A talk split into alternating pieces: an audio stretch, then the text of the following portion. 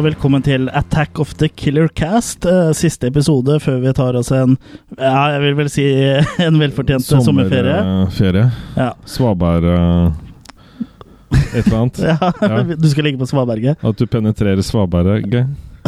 Ja, det, vi, vi får se hva sommeren eh, bringer. Ja. Men eh, først må vi komme Har vi jo en episode vi skal levere til eh, folket. Ja. Uh, For i dag har vi jo fyra opp grillen, for vi skal snakke om eh, eh, klassikeren Cannibal Ferox. Ja, vi skal gjennom en del smaker. Ja, uh, Cannibal Teste er da smaken. skrevet og regissert av Umberto Lenzi. Men uh, før vi setter tenna i det kjøttstykket, hvordan går det med deg, Jørgen? Jo, jeg syns egentlig at det går ganske bra. Ja, Så er det nå, noe nå prøver jeg å få i meg Jeg prøver å være Hva skal jeg si for noe? Jeg, jeg vokter hva som går uh, ut og inn, for å si det sånn. ja, av kroppen Det jeg spiser. Ja. Ja. ja, fortell.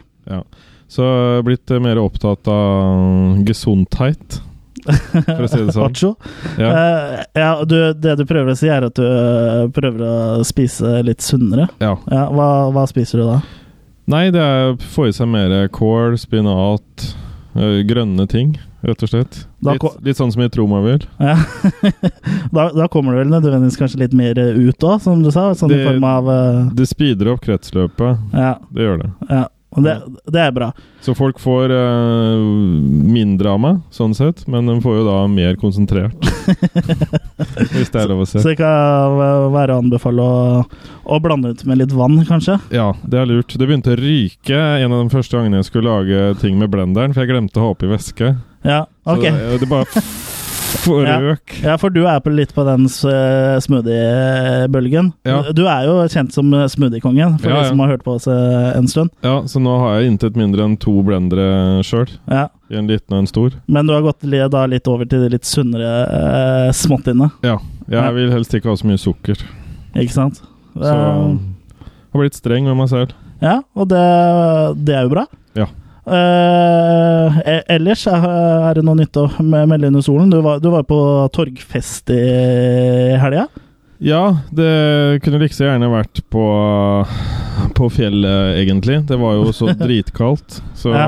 jeg, jeg, savna vel egentlig lua og vantene mine, Ja. for å si det sånn. Altså For de som ikke er helt eh, er fra Sarpsborg, så er torgfest en sånn slags uh, fest på, på På torget. torget. Ja.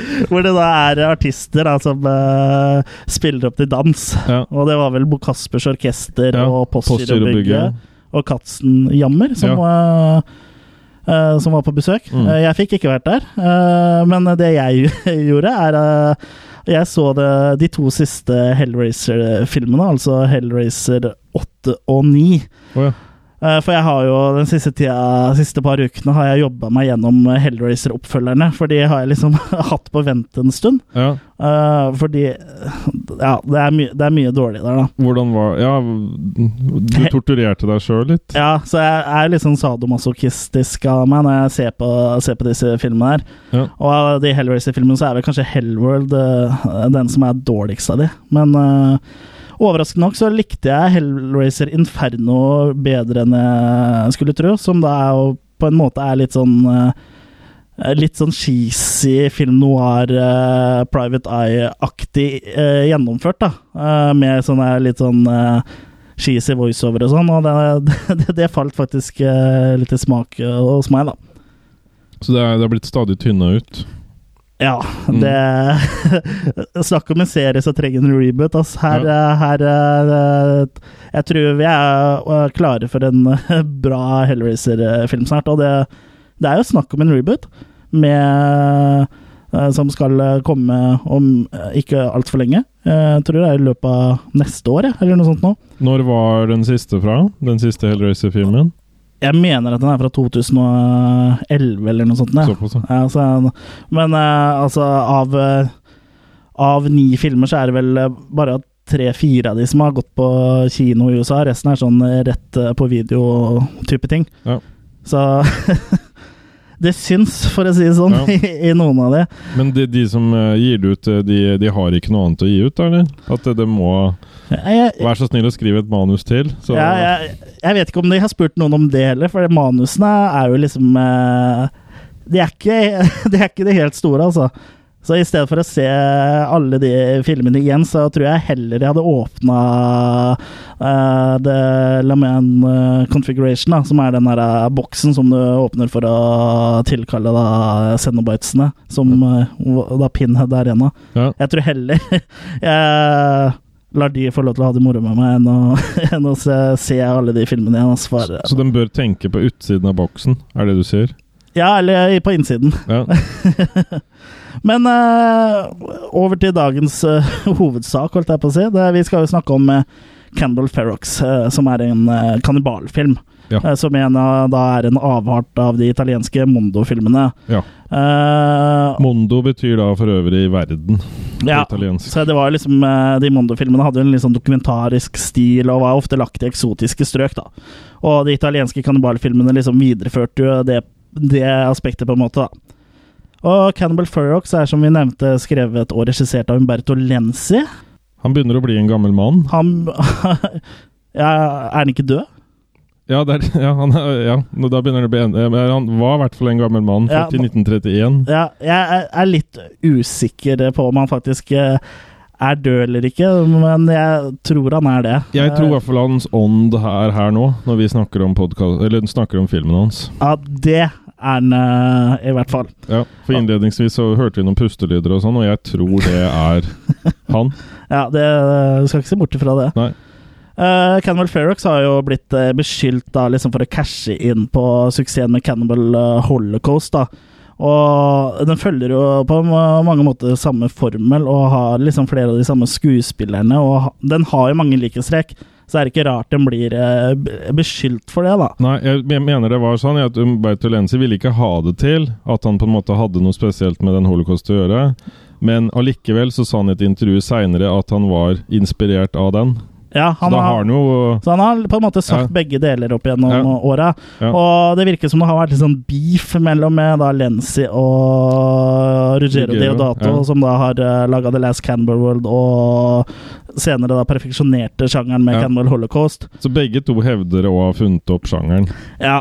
Uh, så selv om Lenzi kanskje var uh, først med The Man from eh, Deep River, så vil jeg kanskje eh, likevel eh, si at det er Deodato som er den italienske kannibalfilmens far, da, for det var han som liksom på en måte satt uh, formelen og liksom videreførte eh, ja, han tok uh, på en måte det som Lenzi hadde gjort med The Man from Deep River, og gjorde det enda bedre i The Last Cannibal World, og enda bedre der igjen i Cannibal Holocaust. da. Mm. Så ja, for meg så er det jo Deodato som liksom raver uh, høyest uh, av, uh, av de italienske kannibalfilmskaperne, da. Ja. Han har sikkert drikket en del vin nå, så da raver han. ja, Bokstavelig talt. Ja. Men uh, vi skal ikke snakke om Cannibal Holocaust i denne episoden her. Da kan du heller sjekke ut episode 11 av Attack of the Killer Cast, for eh, der snakker vi jo om uh, Cannibal eh, Holocaust. Ja. Men i dag skal det da altså handle om Cannibal Ferox. Feature is one of the most violent films ever made. There are at least two dozen scenes of barbaric torture and sadistic cruelty graphically shown. If the presentation of disgusting and repulsive subject matter upsets you, please do not view this film.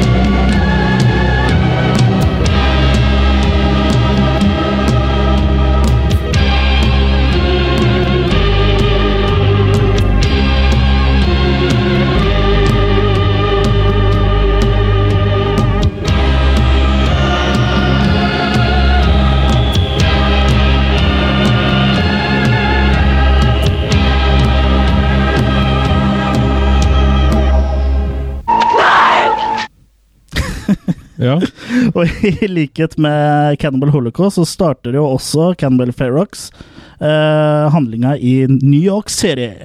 ja. til de, disse da lekne tonene.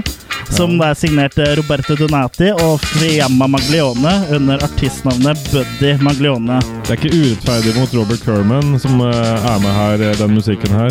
Nei, det er Her er musikk han kjenner. Det er musikk som han absolutt kan kjenne seg enig i.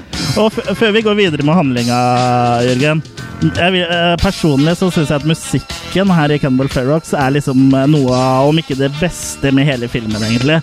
Eh, de låtene til eh, Donati og Maglione det, det er eh, bra saker. Ja, jeg syns det. Den er jo så bra at han til og med har brukt den i en film før, sånn jeg forsto. Så han bruker bare musikken om igjen. Det jeg mener jeg har lest. Ja, det, så, det, han har vel brukt noe av samme musikken i, Eaten i Eaten Alive. Alive. Ja. Ja, så han tenker jo litt på miljø, i hvert fall. Med gjenbruk. Ja, Uh, men til disse tonene så følger vi da en dude en, uh, gjennom New Yorks gater i, sånn, i to og et halvt minutt omtrent, Ja. før han da går inn i en leilighet. Ja. Og det som møter han i da, leiligheten, er da to skumle mafiafyrer. Ja. Istedenfor Mike, da, som han eh, da leter etter, som da er dealeren hans. ja. For han vil jo ha horse, og det er ikke en vanlig hest ja, vi snakker om her. han vil ikke ha hest, han vil da ha heroin. Ja. Og en av de skumle mafiafyrene spilles jo av Perry Pirkanen. Han har spilt på feil hest, Ja, så, sånn. og Perry Pirkanen er blant annet kjent fra Cannibal Holocaust, eh, som da kom året i forveien. Ja. Og den andre, litt eldre mafiosoen spilles av John Barta, som eh, nok for mange er mest kjent som sheriffen i The Good, The Bad and The Ugly. Og, Ja, det var noe kjent med ja, og han har Ja. også spilt i filmer eh, som uh, Mass Exploitation-filmen Salon Kitty og Supersheriffen for nærkontakt med Bud Spencer. Ja. Hadde han nærkontakt med Bud Spencer? Ja, det vil jeg tro han uh, har hatt. Ok. Men, Ja. Vi får også en veldig god eh, demonstrasjon på hvordan en lyddemper kan høres ut. For Ja. de, de gjør jo ikke det særlig bra. Nei. Du hører klikkelyder.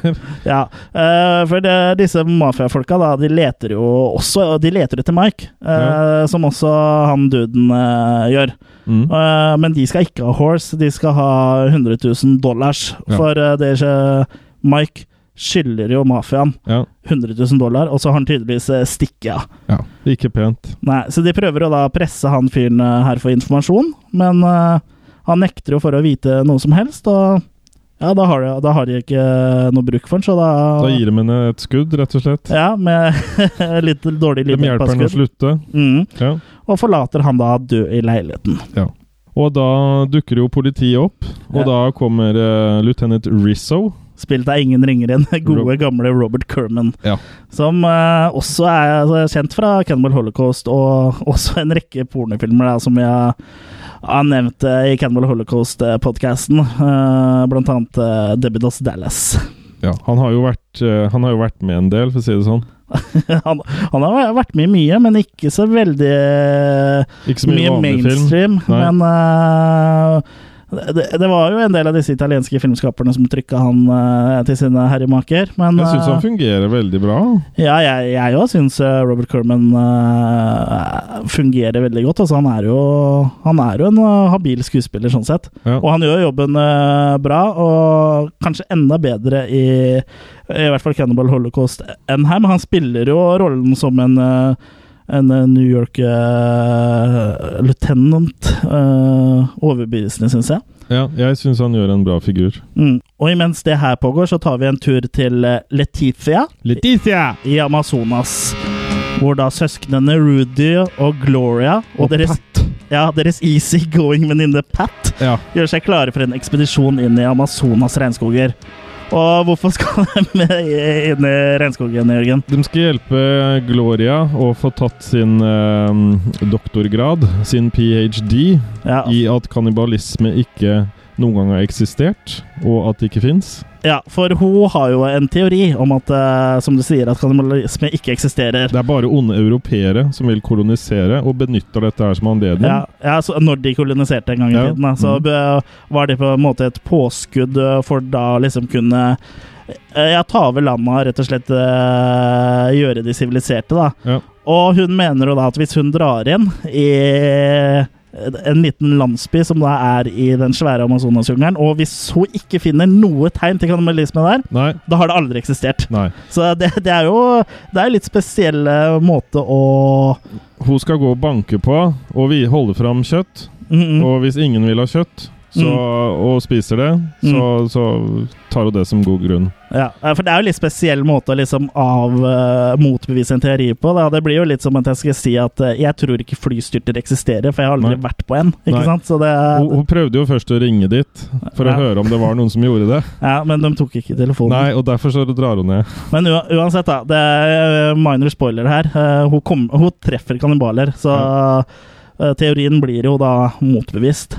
Ja. Gloria hun spilles av Lorraine DeSelle, eh, som blant annet er å se i The House on the Edge of the Park. Ja. Eh, men i en senere tid så vir virker det som hun er mest kjent som produsent bak den italienske TV-serien uh, Carabinieri, I, i alle fall i Italia. Jeg greide ikke å finne så mye informasjon om den serien, men den har i hvert fall pågått i sånn sju sesonger eller noe sånt nå så langt. Så Ja. Hun er liksom den tørreste i, eh, i filmen, syns jeg.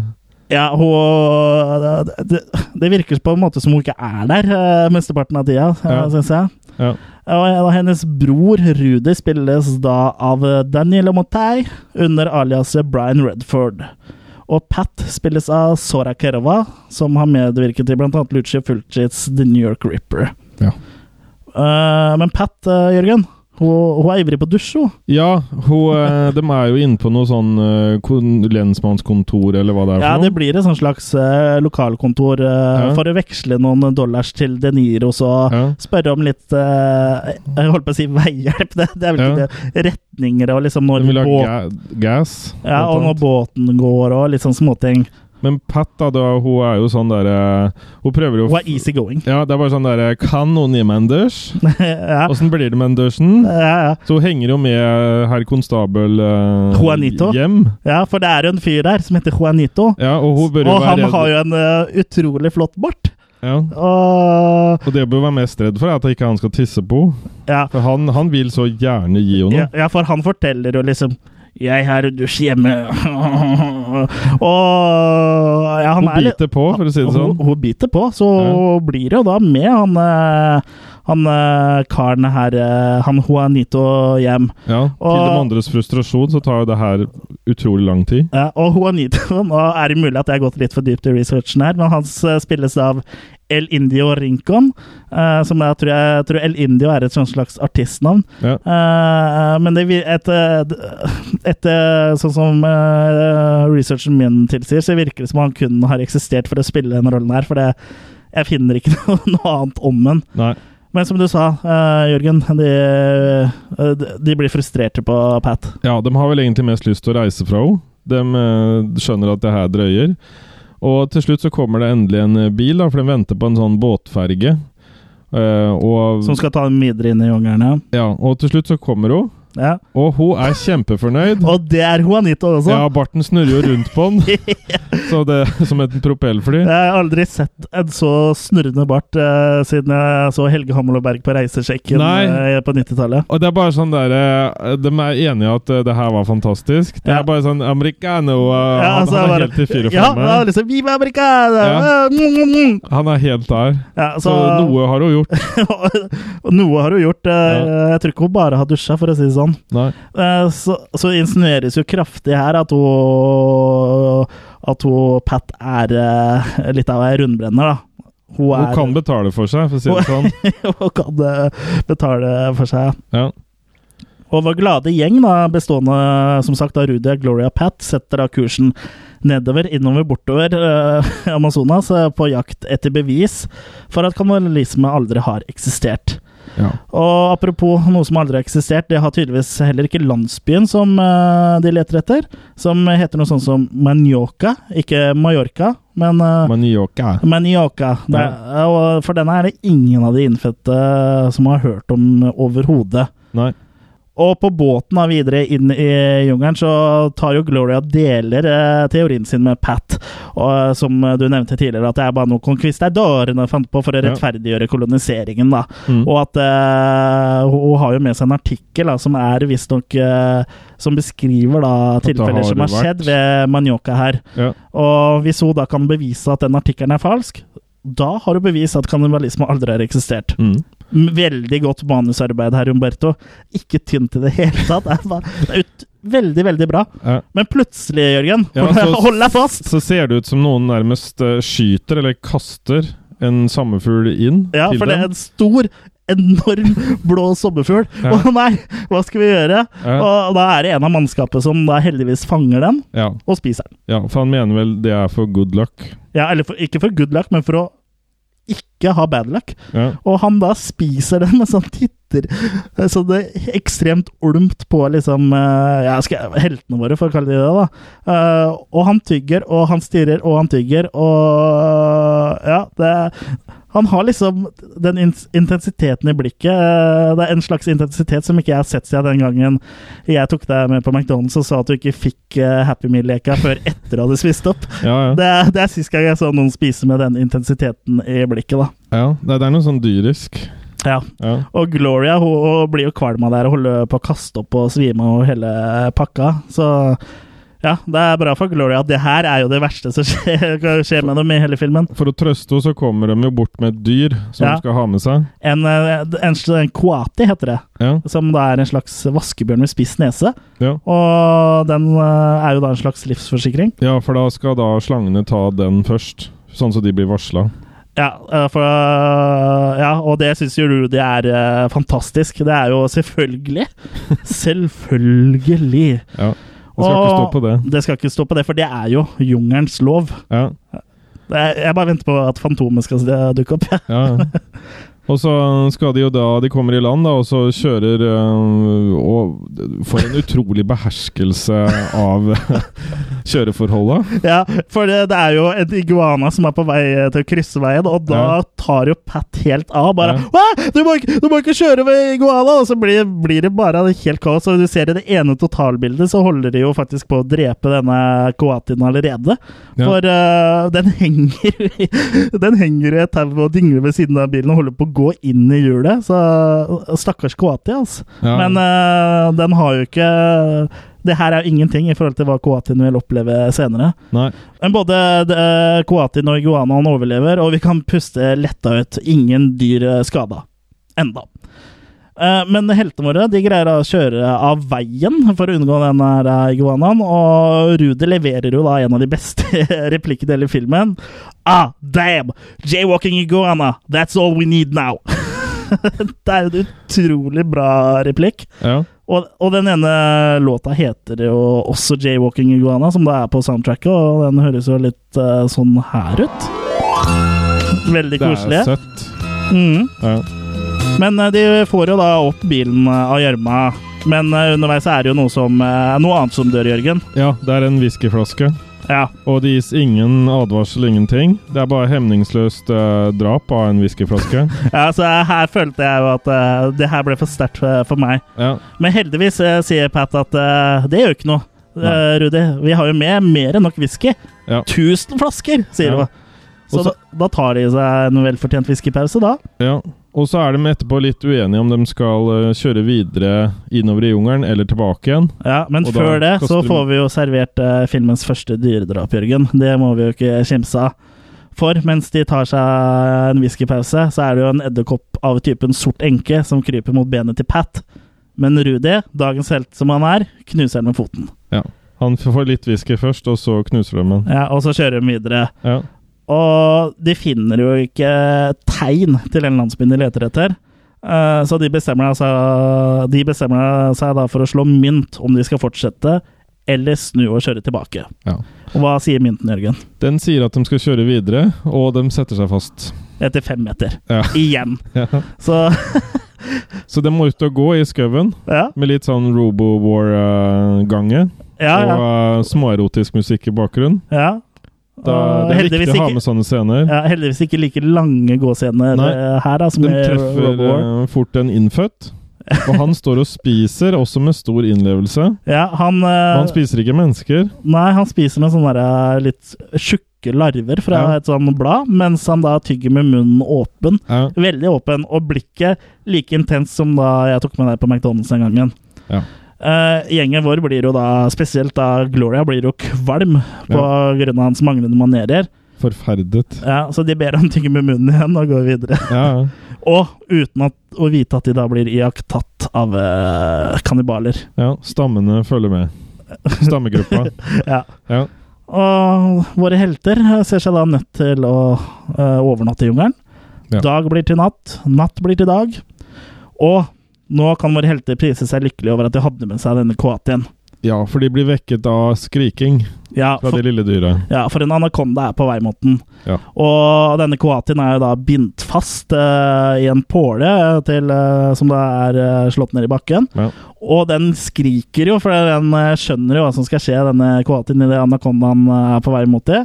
Men gjengen vår eh, så våkner jo ikke av eh, det her, da. Det våkner jo ikke før senere, hvor da denne anakondaen har tatt et godt eh, grep rundt denne koatien, da, og ja, kveler den, rett og slett. Det er, det, er en, det er en trist scene, egentlig.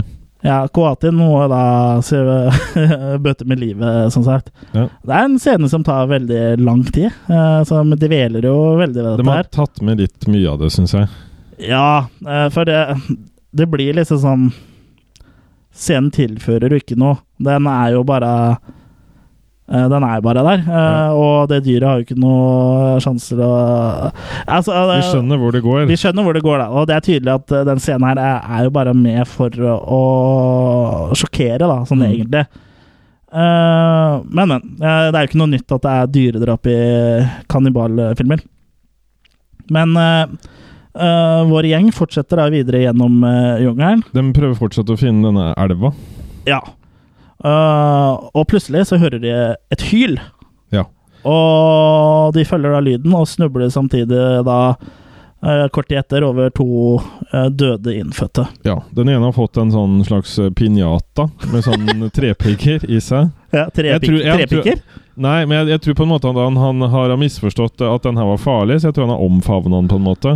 Ja, ja, det er jo en dame som har fått den i seg. Ja. Og så ligger en død mann da ved siden av henne. Uh, og den her kula på en måte er jo, ligner litt på sånn Indiana Jones-type felle. For det er jo en sånn uh, kule med tagger på som da har liksom kommet svingende ned og truffet henne. Og Rudy eh, bestemmer seg av en eller annen grunn å rive denne kula ut eh, av henne, da. Ja, og så for å lukke øyet hennes. Ja. Uh, og antagelig er det vel egentlig for å få sett, eh, tatt en titt på maken hennes, vil jeg tro. Ja, ja. Det er, det, er, det, er, det er i hvert fall en bieffekt av det. Makesjekk. Og da friker jo Pat ut. Men uh, Rudy roer henne ned med å slappe henne i fjeset med da tilhørende Bud Spencer-lydeffekter. Ja. For det er jo noen utrolige lydeffekter her. Det er som om du tar og så slår en sånn eh, ti kilos ribbe inn i, inn i en vegg. ja. Hadde, hadde slaget vært like hardt som lyden, så hadde hun vel Da hadde hatt, hodet eh, hennes uh, havna tilbake i USA, tror jeg. Ja, så det, det er noe overdrevet. Men plutselig så romsterer de litt i buskene. Ja. Og hvem er det som dukker opp der, Jorge? Det er Mike og Joe, eller Trey Parker, ser det ut som.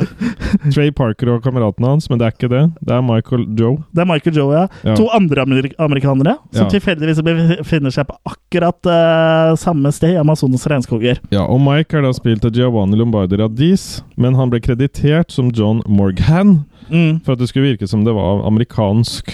Ja, som de ofte gjorde med italienske filmer på den, eh, på den uh, tida der. Og mange kjenner jo nok igjen uh, Radis fra filmer som Cannibal Apocalypse og The, of, the City of the Living Dead og The House on the Edge of the Park. Mm. Men Jørgen, bare sånn Vet du hvor stor regnskogen er i Amazonas? Den er Jeg vil jo tro han er megasvær. Den er 6,8 millioner kvadratmeter. Ja. Og her greier jo da uh, holdt på å si, folk som er nesten naboer i et annet land, å treffe hverandre. Ja. Så ja, ja. Det er, det er bare 6,8 millioner kvadratmeter. Det er fort gjort å treffe på kjentfolk, liksom. ja. Det er, det er som å Det er som å dra til Gran Canaria, det her. Du har vel den der Six eh, Degrees of Separation? Ja. Har du ikke det? Jo, jo. At det er sannsynlig gjennom seks ledd at du kjenner noen? Ja, ja, men her var det jo Her eh, det er, ja, det er vel litt eh, Ja. Det Litt tilfeldig? det kan skje, men eh, sannsynligvis ikke. Nei, det, det er jo Men uh, disse to amerikanerne her, da. Mike eh, så, så Vi har jo skjønt at det er samme Mike som da skylder mafiaen back in the States 100 000 dollars. Ja. Han er i fin form. Men hans kamerat Joe, han Mm. er i litt dårlig forfatning. ja, han har fått noe sår i skuldra. Mm, Noe som har vært slemme mot den. Ja. Så Mike forteller litt da, hva som har skjedd med dem. At de ble angrepet av kannibaler. Mm, Og at elva er tre kilometer unna. mm, Det er det Mike øh, sånn essensielt sier. mm. Og Joe spilles da av Walter Lucchini, visstnok. Ja. Men eh, jeg har en snikende mistanke om at det er VHS-junkien Carl August Ja, som har dratt tilbake i tid ved tidsmaskin, og da spiller Joe eh, Ja. i Canmore Ferox. Han er ukreditert Ja. da, som, som Jens August, eller hva du sa. Jens August. Carl August. Ok, Det er ja. altså VHS-junkien som Ja. er eh, en del av filmjunkiene, da. ja. Uh, men ja, eh, Mike forteller jo historien sin om at, uh, at de ble fanga av kannibaler, som du nevnte, og at uh, Og de var jo ikke nådige, kan Mike fortelle. Nei, de for de hadde med seg en partner. ja, en, par- en guide Mm. som en portugiser ved navn Suárez. Ja. Og han ble da ifølge Mike bundet til en stake og kastrert med en machete Uh, av de innfødte. da, Og deretter så tok de og smakte litt på genitalene hans. Jeg- Og det her ble de da Ja. tvunget til å se på mens de satt i sånn bambusbur som var senka ned i sølevann full av blodigler. Ja, Do you know how much blood we lost? Ja. Sier, sier da Mike. Ja, og så reagerer jeg litt på setningen eh, Den ble sugd tomme. Ja. Det syns jeg er litt gross. ja. Ja, Det høres ikke ut som de hadde det så ille, mener du? nei. Eh, Joe trygler jo da Mike om å, å slutte, ikke fortell mer. Uh, så det vi Når han hører om kjønnsorgan, så blir Joe ille til mote. Ja, uh, så det er jo tydelig at det kanskje, at det kanskje er noen ugler i, i mosene her. Ja. Men uh, det viktigste, sier Mike, er at vi, at vi kom oss unna. Ja. Og vi fikk hjelp av to innfødte da, til å komme oss unna. Det er de som dere fant borti hugget her. Mm. Hva heter det når en innfødt føder, egentlig? Innfødt-født? Innfødsel. Ja. Og Nei, så Digresjon. er det kveld igjen. Ja. Og, og da får vi, for den som ikke følger ordentlig med i filmen, så har jo da Lenzi lagt inn en veldig sånn eh, fin greie. For her, da har vi en close-up av Gloria, som da har en sånn liten recap av hva som akkurat har blitt sagt med ekko. Ja. Sånn i tilfelle vi ikke fikk det med oss, liksom. Så, jeg tror det er sånn hjernen hennes fungerer. ja, At hun hører det alltid sånn i voiceover. ja, ja. Så det er, det er ikke mye å lese mellom linjene her, liksom. Er det, er det noe du skal skjønne som du ikke skjønner, så blir det punsja inn uh, rett etterpå. Du blir mata Ja. med det. Og hun begynner da å tvile på sin egen teori. Kan kannibaler virkelig være ekte? Og samtidig denne kvelden her, så ser vi at Pat og Mike eh, begynner å bli litt eh, kjent. Men vi ser ikke noe mer til det, for det, det virker som det skal skje litt hanky-panky. Men i stedet så klipper det da til en papegøye som skriker. Ja. Og da våkner eh, Rudy brått opp. Mm. Nå er det morgen, Ja. og Gloria er borte. Ja, eh, de går da og leter etter dem, Joe og Rudy. Og de finner til slutt eh, da landsby der. Og det er nesten ingen som er der. Det er bare en haug eh, med sånn slitne eh, gamle innfødte. Med mm. sånn Bronsen-ansikter. Ja. det er ingen av dem som Og jeg tror de er litt sånn trøtte, for de vil, de vil bare sitte. Mm. Og i, i midten av landsbyen så står det en stake med resten av portugiseren uh, på, da. Og så ligger det en, et innfødt eh, lik på bakken rett foran. Ja. Og her, allerede her så stev, begynner jo historien til Mark å skurre litt, så du ser jo at, du, at Rudy begynner å få en litt sånn mistenksom mine i ansiktet, da. Ja. Og så er det litt sånn reality check, uh, Ja. hvor dekompostert blir et lik fra den ene dagen til den andre.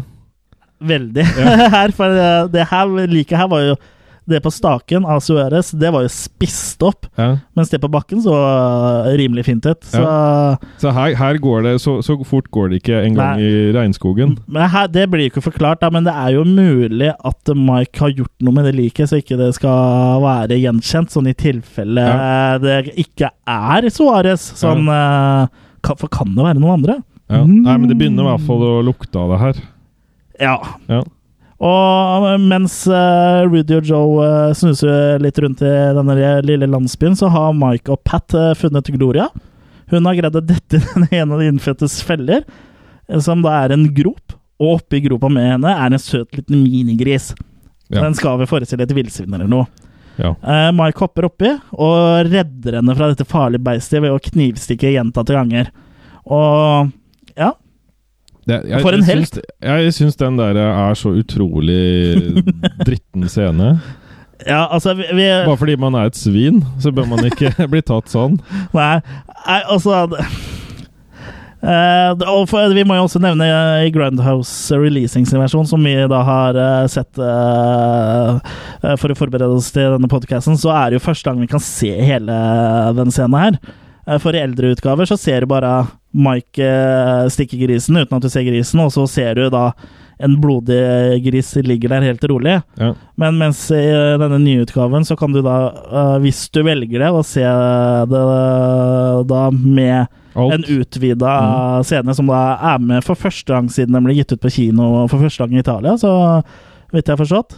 Så øh, Jeg vet ikke hvorfor den ble fjerna, men det kan jo hende at eh, at det har noe med at eh, når du ser den grisen bli eh, stukket så mange ganger, så får du mer sympati for grisen, da. For den, den ser ikke noe truende ut der den eh, ligger. For den nå er jo redd, og den er bitte liten. Ja. Det er jo Det blir liksom som uh, Det blir liksom som å knivstikke Nasse Nøff, liksom. Så jeg lurer på om de eh, tok det bort fordi det på en måte ble litt sånn Ikke at det ble for grafisk, men at det ble Det for teit, ødela. liksom. ødela ja. Men uh, på en annen måte så uh, kan det jo også på en måte fungere på et vis òg, for Uh, Mike uh, Man begynner jo allerede nå å skjønne at det er noe som ikke stemmer med Mike. Mm. Og sånn sett så kan jo en scene her på en måte bygge opp under det at han er litt uh, crazy, da. Mm. Og når han liksom tar så av at han dreper en sånn liten gris bare for uh, ty uh, Så det inntrykket man sitter med, er at han dreper den bare fordi han har mulighet til å drepe den. Mm. Så sånn sett så syns jeg faktisk det, den scenen her på en måte Tilfører til, tilfører eh, hans karakterer lite grann, da. Ja. Men uh, sånn bortsett fra det, så er det jo Det er masse nøff, liksom. Den er Mm. kjempesøt, og det Ja. Og eh, sånn som i Cannibal Holocaust, hvor de fleste eh, Det blir naturlig å sammenligne med den, for den blir, de filmene blir jo sammenligna hele tida. Eh, så skjer de fleste dyredrapene ganske kjapt, Mm. mens den lille grisen her ser du lider. Ja. Så eh, ja. Eh, Radis, da, som spiller inn Mike, han nekta jo Ja. under innspilling å utføre de dyredrapene her. ja, Han. han var sterkt imot det. Ja, så det ble jo brukt en stand-in eh, som eh, da faktisk drepte dyra. Ja. Og så filma de da motskudd av, av Radis, da, som Mike som da bare stabba i lufta. Mm. Uh, Lenzi hadde prøvd å overtale han uh, godeste Radis til å, å gjøre det her, og ved å si at De De De Niro. Niro, han hadde gjort det. Ja. Og da svarte Radis De Niro ville sparka ræva di hjem til Roma. Og det, det syns jeg er veldig, veldig godt sagt. Ja. Uh, det, det går ikke an å si det bedre enn det. Nei, jeg syns det er veldig bra. Og uh, litt sånn karma, så tok jo Antar at det var ufrivillig, så skada jo Radis stand-in sin når de filma motskuddet av han, eh, hvor han da skulle eh, stikke denne grisen. For eh, under kamera så lå det jo ikke noen gris, men uh, stand-in som lå med en uh, bolle med blod og spruta liksom i det kniven eh, eh, kom mot han. da. Så Men uh, Radis traff han i hånda, som da gikk eh, tvers igjennom. Ja. Så han trodde han da hevna grisens død? Ja, det, det er det Radis, Radis har sagt og, i senere tid, da. Ja. Hva, hva heter det hvis han Radis får en sønn, da? Radisson? ja. Ja. Senere så gjenforenes de da med resten av gjengen eh, i landsbyen. ja, nå er det photoshoot-time. Ja, eh, det, Selfies. det tas litt bilder. Ja. Eh, eh, ja, selfiestang og det hele. Ja. Mike er ivrig han, på å komme seg bort derfra. Ja, og så lurer Men- men Rudy- dem- ja, så lurer han på om gamlingen er redd dem, siden Ja, de for- bare sitter der. For Rudy føler at det det er noe som skurrer med historien til Mike. For hvis det Mike sier er redde, hvorfor er da de gamle så sinnssykt redde Mm. uh, tilsynelatende for de? Det burde jo vært motsatt. Ja, og hvor er de unge menn? Hvor er de unge menn? Ja, når man trenger dem. ja, det, er, det er ikke det du sier alltid når du kommer til et sted. Hvor er de unge menn? Ja. Eh, men de bestemmer seg da for å dra til, komme seg bort derfra Ja. og komme tilbake til sivilisasjonen. Ja, Men akkurat idet de bestemmer seg for det, så besvimer Carl August. Ja. Eh, jeg mener Joe. Joe. Ja. Og av Joe sin da, medisinske situasjon, så bestemmer de seg for å bli værende i landsbyen. ja. Og, og Mike òg er sånn delvis enig i det, der han står med pistolen og på en måte eh, At jeg liker dere, folk. Ja. Jeg, jeg ville egentlig dratt, men uh, han står der og bare Det, det er jo overspill. Ja, ja. En smule. Det er jo det. Og all dialogen her er jo dubba, altså, så det, det bidrar jo ikke noe mindre til, uh, til overspilling av det. Nei. Men, Men, det, eh, det gir rom for litt kos, da. Sånn det gjør det. Eh, en utmerket anledning, vil jeg si, for Mike og Pat å ha litt naked quality time Ja, og, med litt kokain. ja, Det insinueres vel at de har hatt sex, men vi ser ikke sexen. Men vi ser eh, bare Makis, ja. Vi ser og- at de ligger nakne. ja, og så koser de seg litt med kokain, da. Ja. Men Mike vil gjerne trekke inn litt, uh, litt mer enn bare de to. Mm. Eh, han, ja, eh, for han eh, spør jo Pat hvordan hun ville likt å make an India girl. Mm. Jeg vet ikke helt hva det betyr. Det høres ut som han vil lage en, liksom. Om det, har du lyst til å bli gravid med en av de stammefolket Ja, det, ute? det tar noe Ja. Ja. Men uh, uansett, fortere enn uh, stålull med såpe. Det er vel Altså- make out de ville sagt. Ja, Ja. men uh, altså fortere sagt uh, Enn gjort. Fortere sagt enn gjort i en port. Så er de da nede ved bekken. Ja. Hvor det, og nå, eh, overraskende nok, så er det plutselig to yngre innfødte her. ja. Dem er satt ut. Hvor kom de fra? Ja, dem er satt ut nå, Ja. klare. Ja, det er en kvinne og en mann da, som uh, tydeligvis har et forhold uh, til hverandre. Og så leker de med en skilpadde. Ja. Det er det som binder dem sammen. det er det som binder dem sammen. Ja. Og Mike gir da Pat en kniv og ber da henne om å kutte litt i denne dama, da. Ja. Men uh, Pat hun, hun nøler litt, Ja. og da begynner den av andre innfødte å rope et eller annet. Diana! Diana! Det høres Ja. ut som han roper Diana. ja. Eh, jeg tror ikke det er det han roper. Nei. Men uh, eh, da løper jo Mike på han og dytter han over ende og truer han med pistol. Han Mm. skal skyte i huet hans eh, Ja, han skal skyte den. Ja. Pat, Pat prøver heller også å redde hun jenta. ja, Nei, redde, redde hun, liksom. Hun Hun, hun kaster fra seg kniven, Ja. og idet den innfødte kvinnen løper, så tar Mike og skyter henne. Ja. Uh, og hun faller jo da om og dør. Mm. Og Rudy fikk jo med seg slutten av det her. Så da blir det jo litt håndgemeng eh, mellom uh, Rudy og Mike. eh, Og med tilhørende Bud Spencer-lydeffekter. Ja. Uh, og mens det her skjer, da, uh, da ber jo Pat uh, den innfødte gutten om å uh, komme seg unna. Mm. Så det, det angrer hun ikke på. Men uh, med ett så blir da slåsskampen avbrutt av Gloria, som roper på Rudy. Og de løper til hytta. Ja. Der Joe han har feber og problemer med å puste. Ja. Og da er det godt at Mike eh, er sånn halvt utdanna doktor. Ja, for han vet om en plante ute i jungelen. som han, den kan gå og hente. Den skal dempe symptomene hans. da Sokainei-roten. Ja, no, noe sånt noe. Ja. Det er sukaini-roten til alt vondt. Ja. Uh, ja, så han øh, melder seg frivillig da, for å gå og finne denne uh, planten. Ja. Og med det så er det jo da tid for lunsj i øh, foreldrerådet i landsbyen. De skal fika. Ja. Og På er, menyen eh, øh, til kaffen da, så er det en stor skilpadde. Som i likhet med Cannibal Holocaust, vi trekker den opp igjen. Det har lett for å bli litt sånn, men den blir da partert levende. Og deretter grilla på et bål. Ja. Og det er det som er litt kjekt med skilpadder, er jo at skallet fungerer som en slags gryte. Wok. Ja, det blir en wok, liksom. Så det er Ja. bare å slenge på det man vil ha sammen med skilpaddekjøtt og innvollene, så har du, har du brått en helaften foran deg. Ja. Men Jørgen, jeg vet ikke om du la merke til det, men det er en ting som faller litt grann gjennom her. Og det er jo det at de som spiller disse kannibalene Når de skjærer i skilpaddekjøttet, så leder de seg liksom så langt bort fra skilpadden som, de på, som det er mulig å komme, samtidig som du skjærer, skjærer da. Så det ser ut som de kannibalene syns det her er skikkelig ekkelt. Ja, de har Og- ikke lyst. Så parykkene deres og sånn liksom blir litt Ja, parykkene sklir nesten av, liksom. Ja. Men uh, ja, det, Det er ikke naturlig for det, er, dem. det er ikke troverdig, da. Og det, det er jo en litt sånn gjennomgående greie her øh, i Cannibal Ferox, syns jeg. Og det er jo enda lettere å se i, i high def og alt mulig. uh, så er det liksom at kannibalene er ikke overbeviste, for det virker som de syns alt de gjør, er griseekkelt. Ja. Og um, tilbake til Gloria igjen, så syns de på en måte nå at de har um, At de har vært dumme i måten de har vært på. Og Joe, som ligger der Ja, han, han våkner jo plutselig fra en drøm. eh, Ja. om, eh, da han var på kino og så Joe eh, Dantes eh, Piranha. ja, For han sier 'Piranha! Piranha!' Uh, men men uh, han er jo da Han er snart game over. ja, Så han ønsker å ha noen siste ord. ja, han vil jo jeg, jeg tror han vil, han vil vel på en måte dø med ren samvittighet. Ja. Og hva kan han fortelle, Jørgen? De, eh, han får fram det at eh, denne portugiseren, Suárez, han var bare en som kunne litt portugisisk. Det var derfor han ble kalt portugiseren, så han var egentlig ikke portugiser. Nei, det er bare et kallenavn som Mike eh, ga han. Ja, så det, det blir like rart som at hvis du kan et par ord finsk, så kaller vi deg for finnen. Parkle.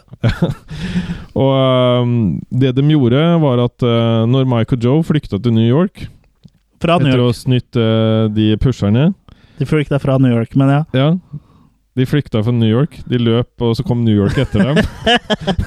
og så øh, skulle de grave etter smaragder.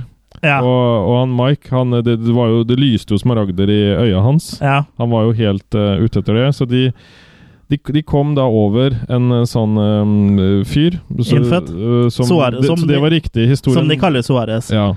Og um, når de på en måte ikke hadde brukt for han noe mer For dem, uh, Mike blir drittlei. Etter tre uker så hadde de fortsatt ikke funnet noen smaragder. Nei. Så han begynner å vise Suarez hvor vanskelig det er å puste under vann. det Han jo holder den under. Og, Ja. de, og de, eh, de innfødte blir jo bleke, for de skjønner på en måte at uh, hvite mann kan være ganske stygg. Ja, det uh, var tydeligvis overraskende for de, Så det er jo tydelig at de ikke har hatt så mye kontakt med en hvite mann før. For eh, den hvite mann vil vel sånn eh, historisk sett egentlig bare ta alt som er verdt å ta, og gjøre livet jævlig for de innfødte. Ja. Mike eh, tvinger da de innfødte til å vise dem landsbyen. Ja, han eh, får jo de da til å ta dem med dit.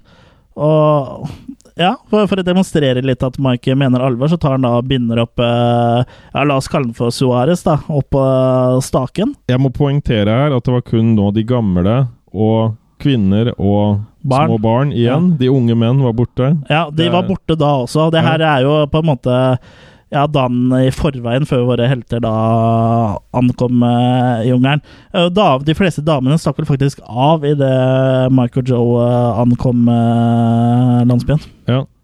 Så de, de går jo da på han Eller Michael da på portugiseren og begynner å torturere han for å få han til å avsløre hvor smaragdene er hen. Mm. For uh, han portugiseren sier at det er kun tre smaragder han hadde, og det er det. Og det er det, og det har de jo tatt. Ja. Mm. Så han, eh, han skjærer da først eh, ut øyet på han, Mm. og han tar også ut en fra sånn bambusbur som han Ja. tar også kutter i. Fra det blodigleburet som ligger nede i bekken der. Ja. Og så, Også- som han bare tar og skjærer opp rett foran, Ja, liksom. ja. Bare sånn for, å, for, for liksom vise at det her er det jeg gjør med folka dine, liksom, hvis ikke du gir meg den infoen jeg vil ha. ja. Og Men, når eh, ikke det hjelper, da Suárez har jo ikke noe info, tydeligvis, så Nei. da får han ikke vite noe. Nei. Så da, da ryker også penis, Ja, som en siste ting. ja for uh, han uh, Han Mark tar jo rett og slett og, og kastrerer den. Ja.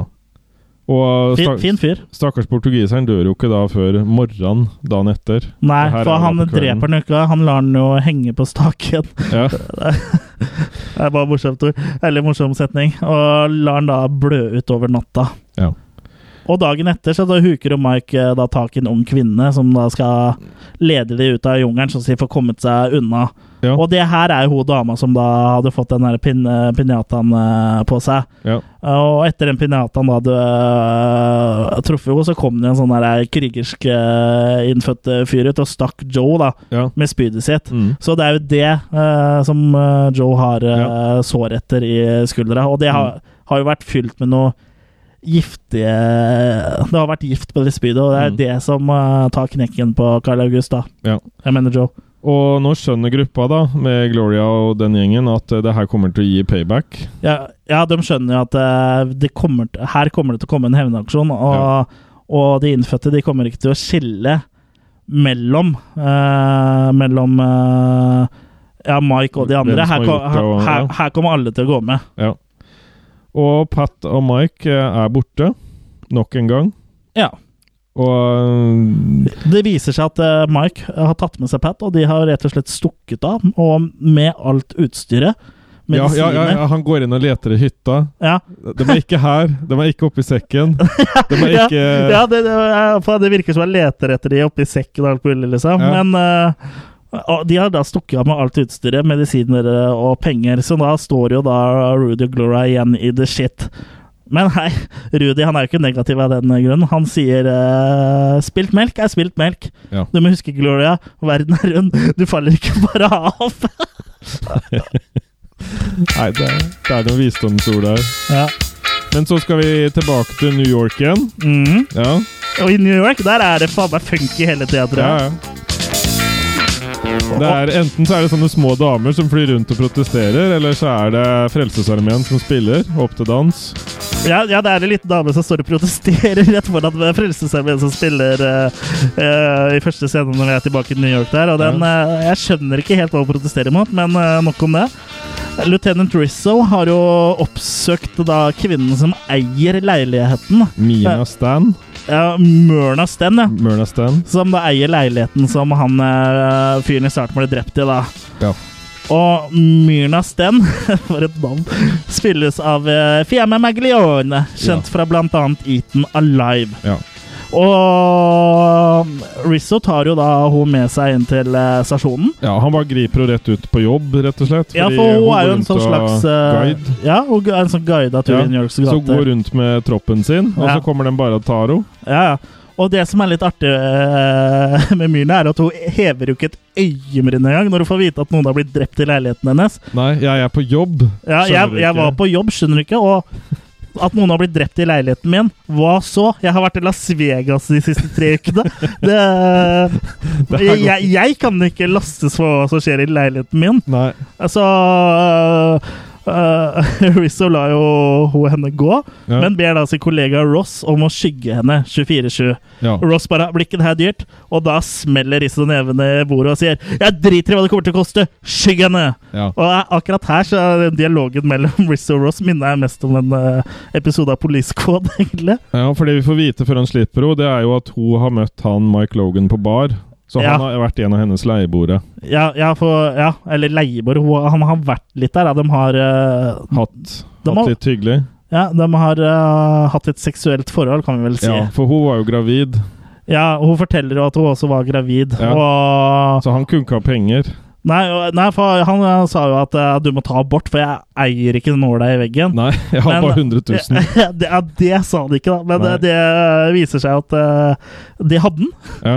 Uh, så da, hun hadde jo tydeligvis følelse for eh, Mike eh, Logan, som han heter. Og ja, jeg begynner jo da å, å gå opp for henne at kanskje Mike ikke er den eh, hun trodde. Nei, hun begynner å ane Mm. at han ikke er den han var.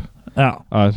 Og så er det tilbake i Amazonas, ved, Jungle. ja, ved Menjaca, eller Mallorca, eller eh, hva det het. Ja. Og Joe Han er død. er fortsatt død. Ja. Men Rudy har en plan. Ja. uh, Han vil lete etter andre landsbyer. ja, la oss komme oss bort derfra Ja. etter vi i begravd Joe. For det, det, han syns at det er viktig. Og så finner vi en annen landsby. Vi følger uh, Elva. elva oppover, for vi må bort. elva. Men hva er, det de, hva er det første de møter når de løper ut av hytta, Jørgen? En råtten papaya! Ja, en råtten papaya.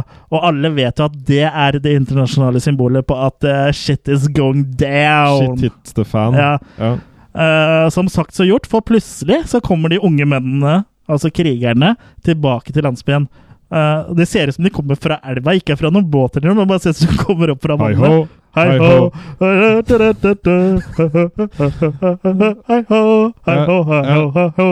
Det, det er litt sånn. Mm. Skulle nesten tro de begynte å synge. Ja, Rudy og Gloria gjemmer seg da øh, bak en av hyttene, og de ser jo at disse øh, krigerne skjønner at her har det skjedd noe, så de gjennomsøker jo da hyttene, Mm. finner Joe og drar han uh, ut, Ja. og skjærer han opp De øh, for å forsyne seg grovt av innvollene hans. Ja. Ja. ja, det er sultne. ja. Og da stikker jo Rudy Rudy Gloria. Rudy og Glory Hall stikker da av gårde ut i jungelen i hui og hast. Ja. Men uh, de blir eh, raskt fanget av eh, kannibalene. Ja. Og det blir også Mike og Pat. Ja. Og kannibalene, det virker som de vet, uh, har blitt fortalt antageligvis av de eldre, at uh, Mike er har gjort noe mot uh, han som henger på påla. Mm. Så de tar jo fester han til uh, staken og låser de andre inn i blodiglebambusburet ved bekken. Ja. Og Pat eh, klikker jo I vinkel. vinkel fordi hun får en blodigle på armen. Ja. Uh, og Mike han uh, får jo vite at uh, det er en ting som heter karma, uh, idet de innfødte kapper av penisen hans. ja, og Og spiser den. Ja. Ja. Snack. Ja. Og da Nå høres du, du husker det jeg nevnte i stad om at uh, han, eh, han legger ikke noe mellom linjene. Så her ja. går det da over til en close-up av Gloria ja. og en voiceover med henne med sånn ekko. Cannibals does not exist. They have never existed. Uh, og med det så er vi tilbake i The Big Apple. Ja. I Central Park, intet mindre. Ja. Og der står uh, Myrna og, og venter, uh, for hun har da av en eller annen grunn avtalt å møte disse to mafiosoene fra starten av filmen. Jeg vet da søren hva de har lokka henne med. Ja, eller Hei, vi kjenner deg ikke så godt, men vi vil Ja. gjerne snakke med deg. Ja, for det er jo de som har bedt henne om å komme dit, tydeligvis. Og hun står der alene og venter på disse. Altså, ja, altså Det er en italiensk film fra 80-tallet. La oss ikke legge for mye i dette her. Nei. Uh, men da kommer jo altså disse to mafiosoene, og pirkeren går bort til og sier Come on, bitch. Where is your stud? Og så, uh, etterfulgt av noen lydeffekter signert Bud Spencer igjen. Han slår jo så hardt, ja. i hvert fall uh, etter lyden å dømme, Ja, at eh, hodet eh, skulle ha truffet World Trade Center Ja. eh, som da var, var der på den tida. Eh, Men eh, de blir da avbrutt av politiet, og disse to mafiosoene greier da å stikke av før New Yorks finest kommer frem. ja. Jeg vet ikke helt åssen de greier å komme seg ennå, for politiet er jo ikke langt unna, men de kommer kjørende sånn kjempesakte rett svingen.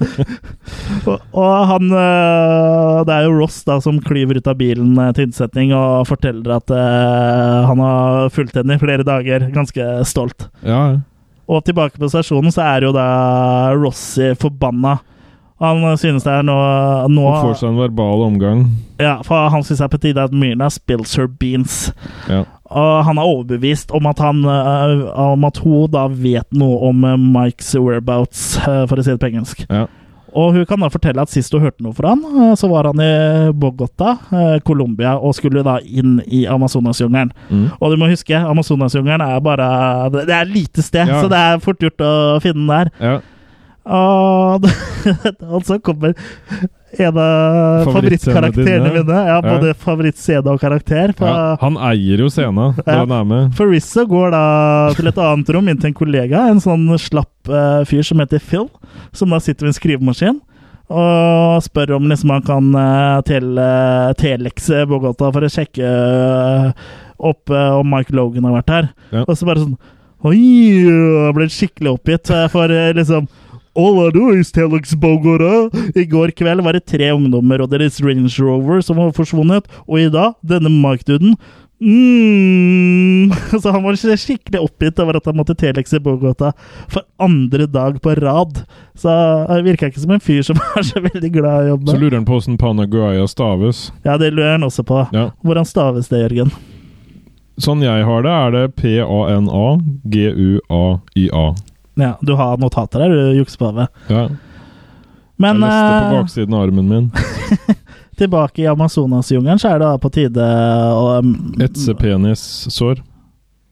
Ja, for, for det gjør du jo. Ja. De tar jo da lukker såret på penisen til Mike. De lukker det. Det høres ut som en dør. Så så han ikke blør ut, da. Sårlokket. De Ja. tar på sårlokket. Så han ikke blør ut, for de vil jo ha med seg han videre. Ja. Så De, Han vil ha med på tur. Ja, Padletur. fortell. Ja. De unge menn tar med seg um, Hva skal vi si for noe? De pakker sikkert litt sånn De skal jo på piknik, egentlig, så de tar med seg råvarene. Mike er skal, de- Mike skal ikke på piknik. Nei, så de padler jo av gårde med alle folka. Ja, Og er det noen som har brukt huet her, så er det Gloria. ja. For hun har lagt inn et par ting, hun. Og Der hvor den var opprinnelig, sånn så noen skal håper noen finner det. ja American Express-kortet hennes og Stills-apparat og, og litt forskjellig. Ja, fordi det hun vet, er at hvis noen bruker visakortet hennes, så kan de spore opp transaksjonene. Ja, ja. Så ser de hvor pengene har gått. Hvis noen kjøper skilpaddekjøtt eller noe det, ja. Ja. Så det, hun, hun er smart. Mm. Og de innfødte finner det, og samler det. Ja, Og jeg, jeg liker veldig godt det der eh, nærbildet eh, når en av de innfødte holder opp det American Express-kortet, og du har liksom eh, det nærbildet av det. Ja. det, så, det Hakuna? Er, det, er det da han sier det? Hakuna? Matata, Ja, It means no worries for the rest of your days. Ja. Jeg tror han sier Hakuna! Hakuna!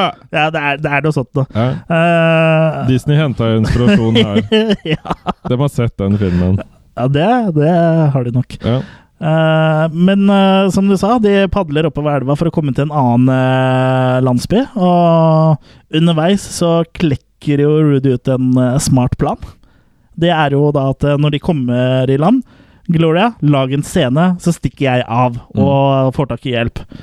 Og som sagt så gjort. Ja. Gloria sin uh, fantastiske distraksjon er jo at uh, hun bare hvelver ut i elva når de kommer frem, og Rudy stikker jo da av gårde. Eh, Han, uh, hørt, han hørte kneet sitt. ja, for han greier å skade seg i en felle lagt ut av de innfødte, som fører til at han begynner å blø fra benet. Ja. Og Og, hva, hva, er, hva er lurt å gjøre da, Jørgen, når du blør av benet? Da gjemmer jeg meg i vannet med pirajaer. Ja, gjør det. gjør Ja. det. Uh, så pirajaene begynner å forskyde seg av benet hans, som vi ser, og det ser ikke så veldig overbevisende ut. Nei, det ser ut som du har limt fast en sild ja, ja, med kjeften Ja. inn i såret. ja, for uh, i undervannsbildene så ser jeg at det er ekte fisker som svømmer rundt, men det er ingen av de som biter han, i hvert fall. Nei. Men når han kan bli Han skriker jo, ikke sant? Og kannibalene får jo uh, vite hvor han er. Og han kommer opp fra vannet, og da med noe da som ser ut som en dausild som henger fra leggen hans. Og det er, det er veldig overbevisende. Ja, veldig. Så den piraja-sekvensen den er mer komisk enn skummel. Og også den øh, scenen her er jo en av de to scenene som da vises i sin helhet for første gang siden filmen ble vist for første gang. Mm. Så det er for andre gang da, vi ser dette her. Og det er jo ikke hele scenen, men det er uh, sånn som det har vært i tidligere utgaver. Så blir jo da Rudy ganske kjapt uh, drept med en sånn poison dart. Ja, han uh, får jo avlastning. Ja, Han ønsker jo egentlig å dø. ja for i den eh, nye versjonen, uh, som er fra som Grandhouse Releasing har kommet med nå, så roper han jo 'kill me' to ganger til de Mhm. innfødte. Ja. Så han ber jo om det på Han ber om å bli drept. Mm.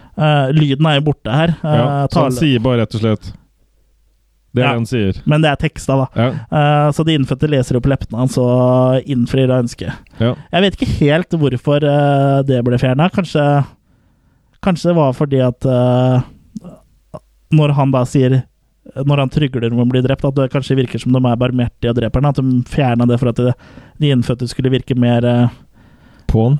At de skulle virke mer farlige, da. Ja. For mye av disse kannibalfilmene også spilte mye på det at At uh, sånne stammer og liksom hva som var i Amazonasjungelen og alt sånt nå, det var jo ukjent, ikke sant? Så det er Uh, De fleste kannibalstammene i kannibalfilmer er ganske rasistiske uh, fremstilte, sånn sett. Altså, det kan hende det var liksom det for å holde det bildet om at de er ikke mennesker, de er jo savages, ikke sant? Det, Ja. det er, Vill, villdyr. ja, det er omtrent villdyr. Og det, er, Mm. det ser du også i trailerne til mange av disse filmene, er jo at eh, at uh, kannibaler, uh, eller uh, de innfødte i de forskjellige sidene, er jo liksom savages. Mm. Ja. Men ja. de- ja. Han får i hvert fall hjelp. Han ja, Rudy, jo. Rudy takker for, for seg. Ja. Og Så begynner de å på en måte store the food her. De uh... Ja, for de tar jo med da, De innfødte tar jo med da, de gjenværende Mike, Pat og Gloria til den, den, den nye landsbyen som de har vært uh, på vei til. mm. Og damene blir putta ned i en sånn eh, Hva det ser ut som? Det ser ut som en sånn slags liten vulkan. Ja, en liten sånn grotte. Ja, Som de liksom eh, putter dem oppi den grotta ovenfra. da Ja. Ned en stige, og så drar de opp stigen. mm. Mens Mike han blir satt i high security. Ja. For han, eh, han eh, blir da satt i et hull eh, som er gravd i sand. ja. Som det da er i sånn uh, gitter over, Så laga bambusrør. Mm. Mm. Uh, så her Dette uh, kommer han ikke til å greie å Nei. rømme fra. Nei. Han blir iallfall veldig tørst. ja. Han roper jo om vann omtrent med en gang du ser den der luka gått ned. Ja, men jeg tror du ikke det kan ha noe med at uh, kokainrusen begynner å gå over? Jo, At kanskje det er en uh, vi, Nå uh, føler jeg at jeg kanskje tillegger litt mye i, i manus her, men det kan jo tenkes at eh, en typisk Han er i ferd med å gå tørr. Ja, for jeg, ettersom jeg har forstått en typisk bieffekt eh, når rus går over eh, Det legger man jo merke til bare ved alkohol, Mm. er jo at man blir eh, tørst. Ja. Så kanskje er det at han rett og slett begynner å bli nykter. Mm. Han eh, De Pat og Gloria er jo da nede i grotta. Ja, de blir jo tilbudt en liten beta, da. Ja, det blir heist ned et eh, godt kjøttstykke ned der, som da vi Alle tenker jo at det der er menneskekjøtt. Ja, ikke Pat, da. Hun sier jo ikke nei takk til eh, Nei, hun tror jo kjøtt. først. Ja. Uh, uh, være seg menneske eller ei. Så hun hopper jo over Mot det, men blir stoppa av Glory Hole. Og Ja. bare 'Nei, Pat! Tenk om det er Rudy!' Og så ja, lar de være å spise, da. Ja. Og så blir det kveld. ja, og de prøver jo på en måte Det begynner jo å klikke for, for Pat. Og hva gjør man eh, for å roe ned et menneske? Jo, man stemmer i sang. Ja, de begynner å synge litt. Ja. He's got the whole world in his hands. He's got the whole wide world. Du får for øvrig det albumet på Musikkverket. Mitt album. Nei, det de spilte inn Ja. Ja.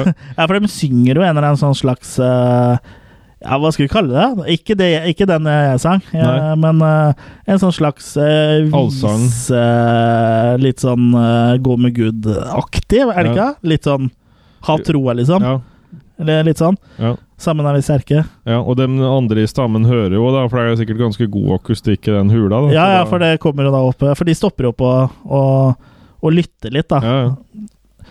Ja, ja. Så det, det at de tar til seg sånne ting, gjør jo at de fall har litt sans for musikk og sånn. da At Ja. de ikke er helt de, er, de har sans for kultur. Ja. De har jo eh, I nabolandsbyen så har de jo bygd et operahus av, av villsvinavføring. Ja. det Det kosta 200 millioner. Jeg synes det hadde vært kult da om en av de andre stammene hadde begynt å synge med sånn dritmørk stemme. Eller sånn barbershop eh, ja, ja, sånn der uh, kapellagruppe, ja. ja.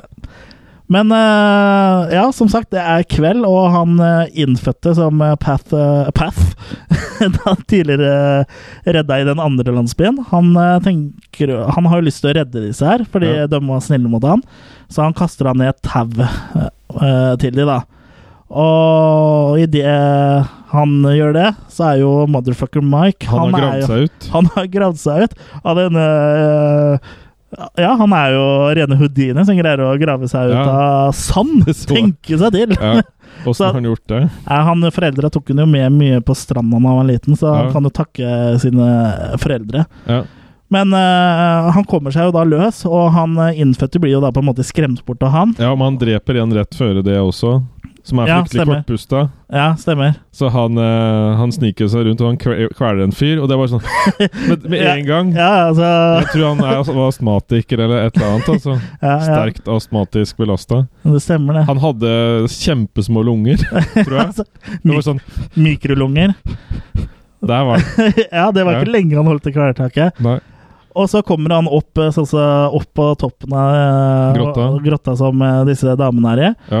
Og de tenker jo at ja, nå er vi redda, liksom. Ja, Redd oss, Mike. Men ja. hva gjør han? Han bare tar tauet tilbake igjen. Ja, eller han kutter Ja, han kutta det bare, Ja, så de får jo hele tauet. Ja. Så nå Så kan han- du leke med det. Han, han er ålreit, sånn sett. Ja, vær så god. Liksom, Dere får tauet, men uh, dere får ikke noe mer. nei. Og nå får Mike stikker jo av, og parallelt med det her så flyr det et uh, sjøfly over. Ja, med selveste Ross fra New York uh. Police Department og Myrna. For de, de har plutselig bare bestemt seg for at uh, At uh, det her har, har de råd til. Og, og flyene og lete etter det. Ja. Og de, de ser jo liksom ikke Skogen for bare trær. Eh, Det er jo nettopp det de gjør. De ser Mhm. skogen for bare trær, Ja. for jungelen er for tett. Ja. Og Mike, eh, som da løper rundt uh, ned på bakken, han prøver da å få kontakt med dem, først med å vinke og, og, og signalisere til dem, og deretter rope. Men han da prøver beatbox og ja.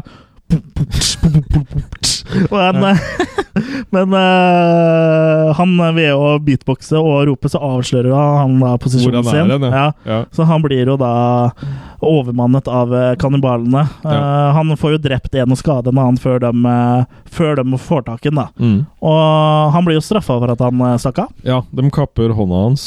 Mm. Og det interessante er at den hånda blir lenger når han er avkappa. ja. Eller den er like lang som før, men den den er bare uten hånd. Så det er jo han, eh, jeg tror det er litt sånn som med dyr. Ja. eh, Akkurat som med stål eh, Jeg husker ikke hvilket dyr det er, men når du kapper det, så vokser halen ut igjen. Er ikke det en sånn slags iguana-type ting? Ja, det er mulig flere dyr har det, Ja. men i hvert fall på han så vokser bare armen uten at tennene Eller, kommer eller, ut igjen. eller sånn som Groot i Guardians of the Galaxy. Han Ja. mister jo armene ganske tidlig i filmen, Ja. og de vokser ut igjen. Men han her får en lenger avkoppa arm. Ja, Det er det han får. ja. Så vi, hva skjer hvis du kapper av en liten bit av den armen Den Blir den enda lengre da? Til slutt så liksom har han to sånne svære krykker han kan uh, bruke Eller to armer som man kan bruke. Jeg er i hvert fall spent på hva som skjer. Det, det, var jo ikke logisk, for når de kappa penis av Mike, så Ble ikke den noe lenger? Så der, der er litt sånn til Umberto, altså. Ja. Her må du følge logikken din. Ja, Det er vel kanskje bare litt effekter eh, som kanskje burde vært filma i en litt annen vinkel. Sånn som den så faktisk så kortere ut. Eh, Ja. Så her bomma de jo litt, da. Ja, det vil jeg si. Eh, de tar jo da han eh, eh, Mike eh, Tilbake. tilbake. Ja. Uh, imens har da Ross og Myrna spotta denne Range Roveren til Rudy og, og Gloria og Pat, og lander da i nærheten. De lander jo da hos The Bronsons, de gamle. Ja, og der møter de da, som du sier, de eldre innfødte, som da forteller Som har eiendelene deres, eh, som eh, Gloria håpa skulle redde dere. Eh, men det gjør de da også ikke, for de innfødte forteller jo at det her er alt som er igjen, for de ble tatt av krokodiller. Ja. Og Og- det er bare en Ja, det, de versjon ljuger. av sannheten. De ljuger. Ja. Uh, og de, de, stikker, de, drar jo da tilbake, ikke sant? Ja.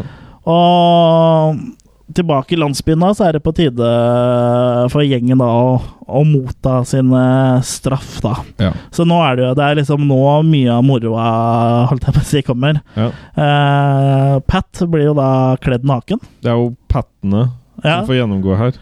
Du mener make, så Ja. ja. Jeg var litt usikker. Jeg har ikke Ja. hørt eh, ordet patter før. Eh, Pat blir da kledd naken og bundet fast, og får makene sine pierca med to sto temmelig store kroker.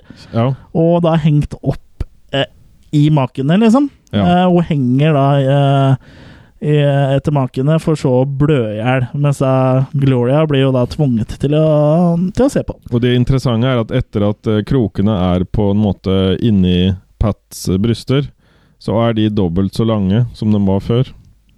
Ja, eh, makene. Ja, det var det jeg var i tvil om. Er det makene eller krokene? Må være makene, da. Ja, De er jo bygd ut nedentil, regner jeg med, sånn Ja. så de kan stikke Men- gjennom dem. Antageligvis. Ja. Altså, og så blir det jo sikkert litt strekt også når du henger i, henger i det. Så kanskje en litt sånn naturlig måte å forstørre brystene på. Men eh, Bryststrekking.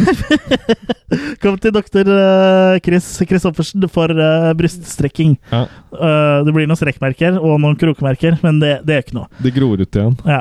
Men akkurat uh, den scenen her er vel kanskje en av de mest kjente og ikoniske scenene fra Cannibal Forex, uh, vil jeg vel påstå. Det bringer jo tankene litt til motorsagmassakren, egentlig. da. Ja, han der blir Hvordan nå hengt på en krok, men der, ja, der, ser du inge, der ser du ingenting. Nei. Her er det jo ganske grafisk, Mm. og, og det er liksom den, eh, den scenen som man ofte ser på poster og, og, og litt sånn, da. Og ja, jeg syns egentlig den scenen er, er ganske bra, altså.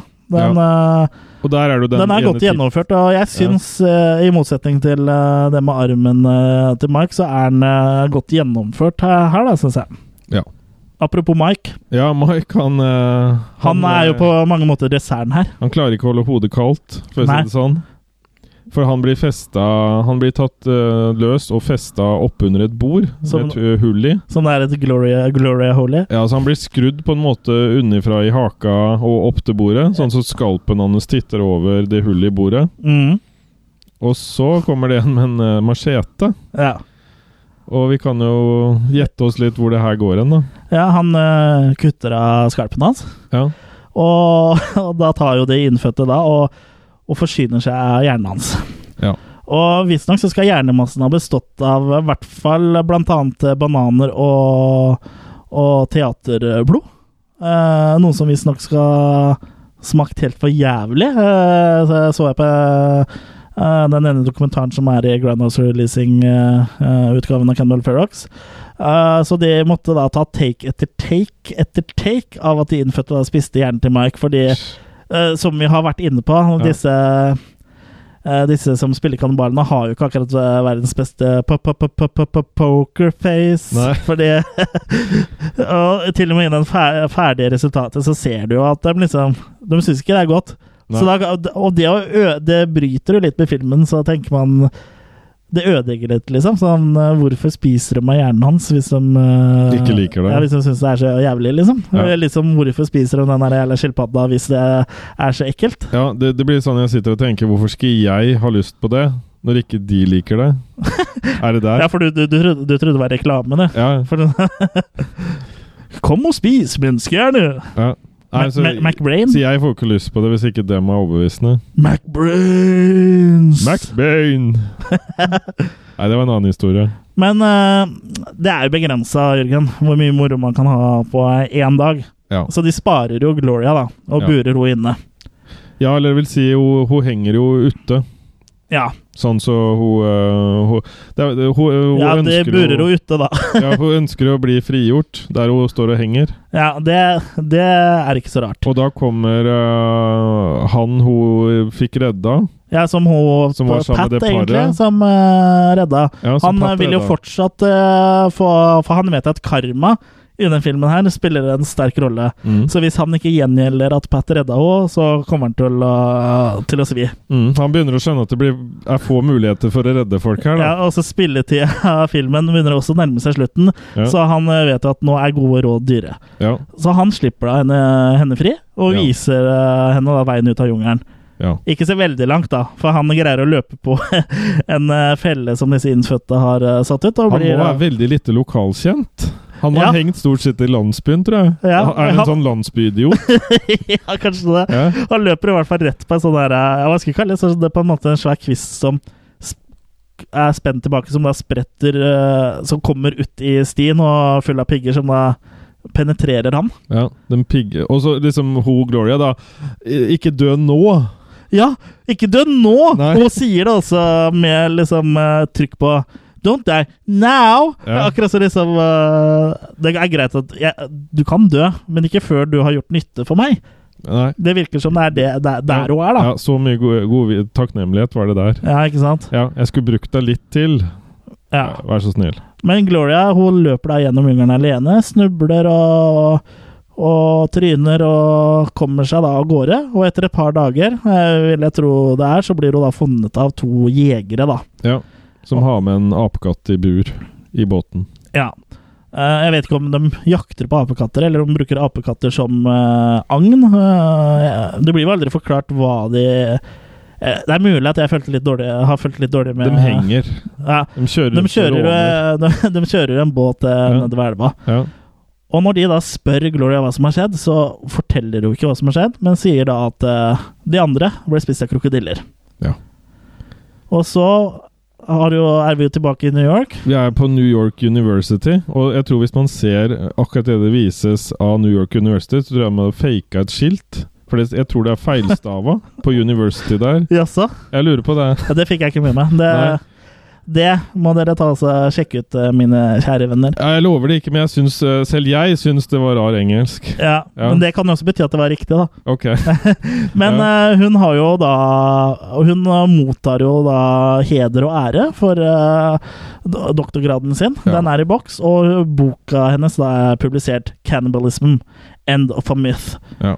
Så på tross av alt som har skjedd, venner som ble dødd, Mike og broren hennes Rudy, ikke minst, eh, så velger hun da å holde tett om det som har skjedd, og publisere teorien sin, da, for antageligvis for å ikke drite seg ut i fagmiljøet, da. Ja. Jeg, vil, jeg, vil, jeg vil tro at det er det som er eh, For det her er antageligvis noe hun har jobba med lenge. Ja. Pluss at uh, hun ser det vel sånn, som jeg leste, at uh, det er det at hun mener at de framprovoserte det når Ja, de var og- der. Ja, altså Det er klart at Motherfucker Mike eh, fremprovoserte det, men eh, å si at kannibalisme ikke eksisterer etter, at, etter det som skjedde, det er vel litt rødt. Ja, men Hun velger å se det sånn, som Ja. at det her var noe de fikk til å skje. Ja, ja, men uh, sånn som Men Gloria har mer Hvis, hvis jeg issues. henger deg på en uh, stake og kastrerer deg, så kommer ikke familien din og spiser meg. Nei, men, det- men jeg snakker om Gloria. Ja, ja. Gloria ja, ja. har issues her. Glo- Det, og det, det er siste, det, eh, det siste du ser i filmen, er jo også inn i de døde øynene til Gloria. Så Ja. det er jo egentlig Gloria som er eh, Glem Mike! ja. Det er Gloria som er uh, psykopaten her. ja, Det er det eneste hun sitter igjen med, det er den ph.d.-en sin. Ja, og, og alene og karrieren hennes er det hun sitter igjen med. Men det, det har vel rabla for henne? Mer enn det hadde før hun dro. Det ser sånn ut. Ja. Jeg Og synes s- Men det ser jo egentlig ut som det har rabla for henne hele tida, for det, Ja. det er jo det er jo de eh, tommeste blikka jeg har sett, Ja. annet enn uh, en Dragen i Fredrikstad. Ja. Det er å være et par sånne blikk. Ja. ja. men hun har eh, hun, hun, ja, hun har ikke funnet seg sjøl, vil jeg si. Nei. Nei. Men der var da filmen uh, finito.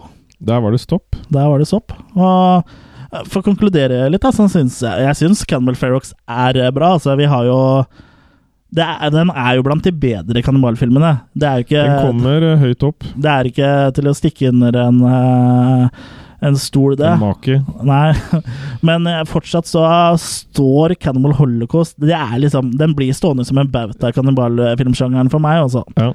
Og det blir Og jeg vet at folk antageligvis er lei av at den blir sammenligna med at Cannibal Ferox blir sammenlignet med Cannibal Holocaust hele tida, men det, det er nesten umulig å ikke gjøre det, i og med at den kom etterpå, og den har uh, følger så mange likhetstrekk, da, eller har så mange likhetstrekk i handlinga, blant annet eh, at det veksler mellom eh, handling i New York og i jungelen og, og sånn, da.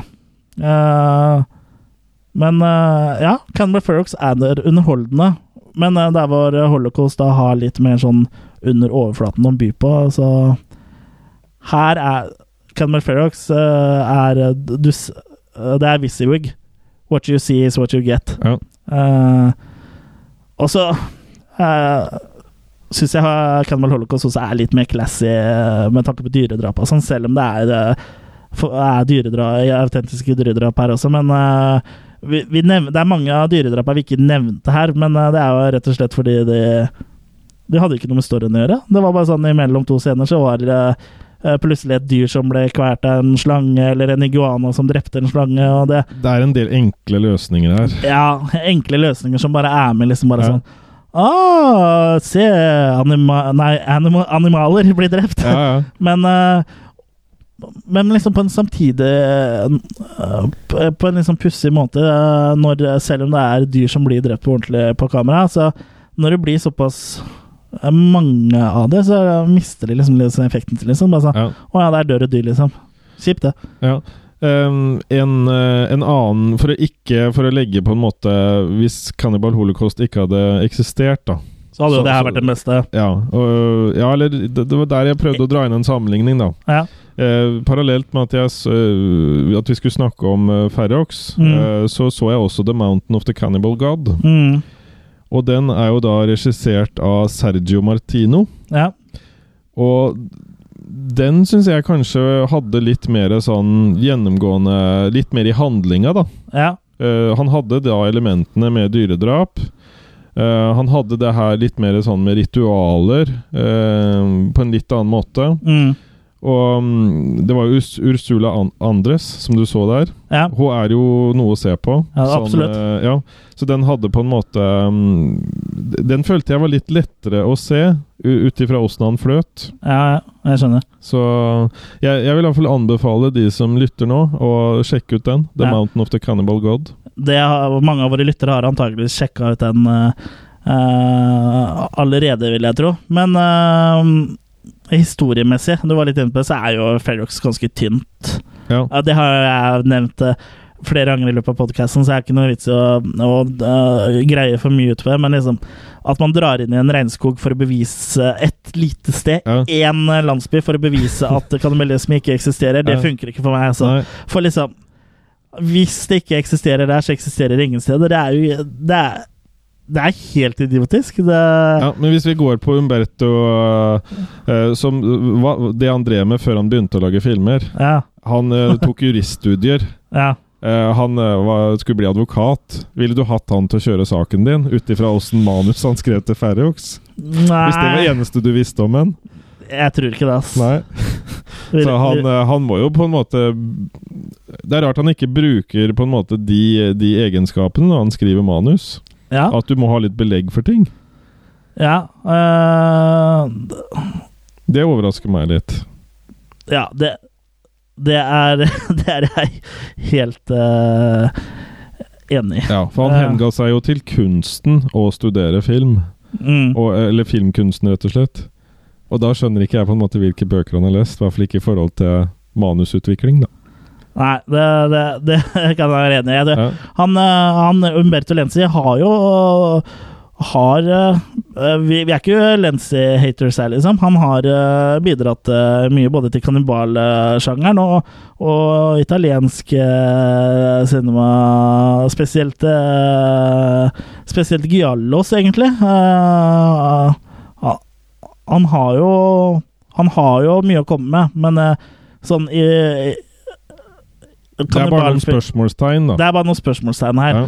Og, og det er jo klart at eh, at kannibalfilmene hans, uh, Cannibal Ferox eh, spesielt, og Eaten Alive og sånn, er, det er jo underholdning. Man må ta det litt eh, eh, for det det er, da.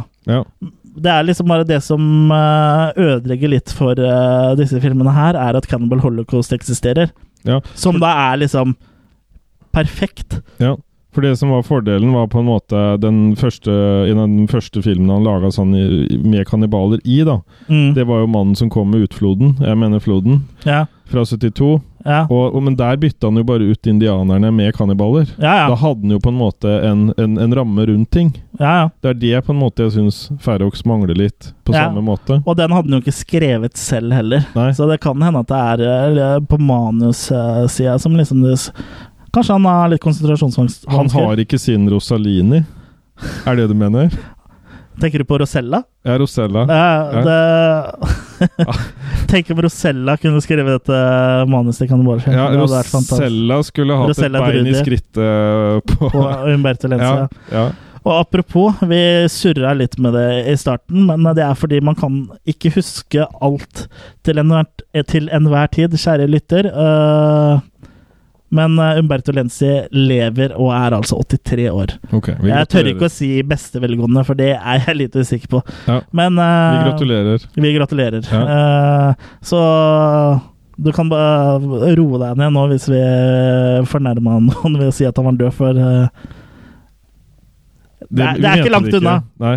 Det kan hende når Vi du vil få rett før eller ja. Kjære lytter, en eller annen gang så er uh, du, Hvis du hører på podkasten litt seinere enn utgivelsesdatoen, så det stemmer det. Så da er Umberto Lenzi før, død. før eller seinere rett. Før eller seinere så Ja. får vi rett. Ja. Så jeg er ikke lei meg for det. Nei. Uh, Men uh, den utgaven vi har tatt for oss, som, som vi så da før denne podkasten her, er jo Grindhouse Releasing sin nye Blu-ray. Og ja, Cannibal Ferrox har vel ikke sett bedre ut enn det her. Egentlig siden sist Grindhouse Releasing eh, ut til DVD-en.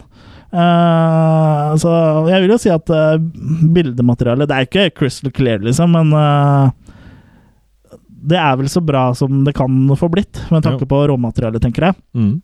Nei, den fremstår jo som uh, nokså bra. Ja, Og så er det noen utvida scener, eh, som jeg nevnte, med den villsvin- og piraja-scena, som da er litt lengre, og som ikke er blitt vist eh, siden det eh, ble vist på kino for første gang. Og så er det masse ekstramaterialer i form av intervjuer, og som Cannibal Holocaust-utgivelsen uh, til Grandhouse, så er det også en egen CD med soundtracket på.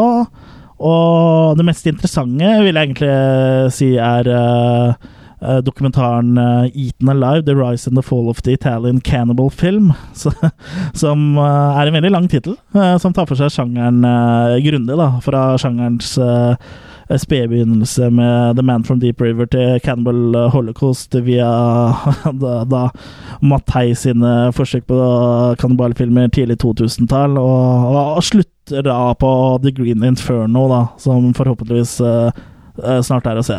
Så det, det, er en veldig interessant dokumentar altså, som er verdt å, uh, verdt å se. Og så vidt jeg vet, så er vel den kun på den uh, Blu-rayen her, så Men uansett, uh, om du har Cannibal Ferox uh, fra før, så invester i Blu-rayen. Det, det er verdt det. Det kan jo nevnes at Tarantino også er en Jeg har skjønt en stor fan av Umberto. Mm. Fordi blant annet han hadde sett på um, det han mener er zombier. da, at, dem, at han begynte med det at zombiene løp. Ja. Uh, for det har ikke vært så vanlig før i nyere tid. Nei. Og uh, han, han, ville gjerne overrekke en hilsen da, til uh, Umberto, og så sa det at si til henne det at jeg liker veldig godt zombiefilmene hans, og, og, og, hilsen så mye fra meg. Ja. Hvem sa han det til? Deg? Han sa det til noen som da tydeligvis Som kjente den? Ja. En fellesbekjent? Ja. Så når, når, det, når han da da, da, fikk en mer tilbake Det kan godt hende at de var i nærheten av hverandre også, men eh, de, ja. de, de, fikk i hvert fall um, Ja, at han liksom satt på bordet bortenfor, ja. men han turte ikke å si det selv. Så bare sånn, ja. Så, så, kjøp en strawberry daiquiri fra meg og si ja. at uh, Men i hvert fall han fikk til svar, uh, om det var fra Umberto eller om det var fra han han skulle gi beskjeden uh, videre for. Han svarte i hvert fall tilbake They're not zombies, they're infected humans. Så de vil ikke være ved det der zombiebegrepet, da. Ok. Ja. Så det var bare en sånn liten sak der. Ja. ja. they're not zombies, they're infected humans. Ja, så hvis du går på youtuberen og så søker på Tarantino og, og Umberto, mm. så, så, finner du da den hvor han Tarantino gjør litt sånn gjøna Eller han har litt moro med italiensk, da. Okay. Han snakker litt italiensk. Ja. Aktig. Ish. Men uh, det er vel kanskje ikke så veldig mye mer å si om uh, Ferrox. Har du, har du uh, fått si dine utvalgte ord om filmen, Jørgen? Det, det, vi kanskje ikke fikk med her, det var at den mannen som kom med floden i 1972, den Man det, from Deep River? Ja, ja, den som Den var en ny laga av, da. At det var kannibaler istedenfor indianere. Ja. Det var da fra en sånn westernfilm som heter Man Cold Horse. Ja. Det er også greit å få med. Ja, ja for det Ja, det stemmer. Det er jo Den er jo basert på den, og ble på en måte da den italienske kannibalfilmens uh, fødsel. Startskudd. Mm, startskudd. Ja. Uh, og etter det så kom jo da kannibalfilmer i alle former og varianter, men som stort sett på en måte var, er den samme historien. Uh, at det er møte med det ukjente, og det er skummelt, og de er barbarer. Og dyredrap, nakenhet og voldtekt og Ja. Uh, genitalier som rives av. Det er, det, det, er jo, det er jo en uh, egen sjanger, og man man bør jo Man skal jo ikke legge for mye Man skal jo ikke analysere det for mye, eller det er det er underholdning. Det er ikke datingfilm, for å si det sånn. Hvis du akkurat har blitt kjent med jente, og så drar hjem og ser på Cannibal Ferox. Nei, ne, men uh, Hvis, Da finner du fort ut om uh, She's the One, da. For ja. uh, på et eller annet tidspunkt så må hun se Cannibal Ferox allikevel. Så ja. det, det, er jo bedre å gjøre det med det samme enn en, etter man har fått barn og hund og hus, og så setter man på Ferrix, og så er Cannibal Ferrix, og så er det bare rett ut. Ja, Nei, du sier noe der. Ja, er, ja, spørs hvor ærlig man vil være, da. Ja. Jeg, jeg, skjønner hva du mener. Det er kanskje ikke noe man setter på på første date, men uh, da ville jeg satt på Cannibal Holocaust. Ja. men uh, Jørgen, nå Da tar vi, uh, da tar vi ferie. Uh, første episode etter ferien uh, blir jo en eller annen gang i starten av september. Og vi har jo ikke akkurat satt sesongen ennå, men en eller annen gang i oktober så er det jo en, en ny norsk Ikke nynorsk, men en norsk grøsser som lanseres på kino av Another World Entertainment. og det er da Villmark 2. Ja. Så du skal ikke se bort ifra at det kommer en episode om den, i hvert fall.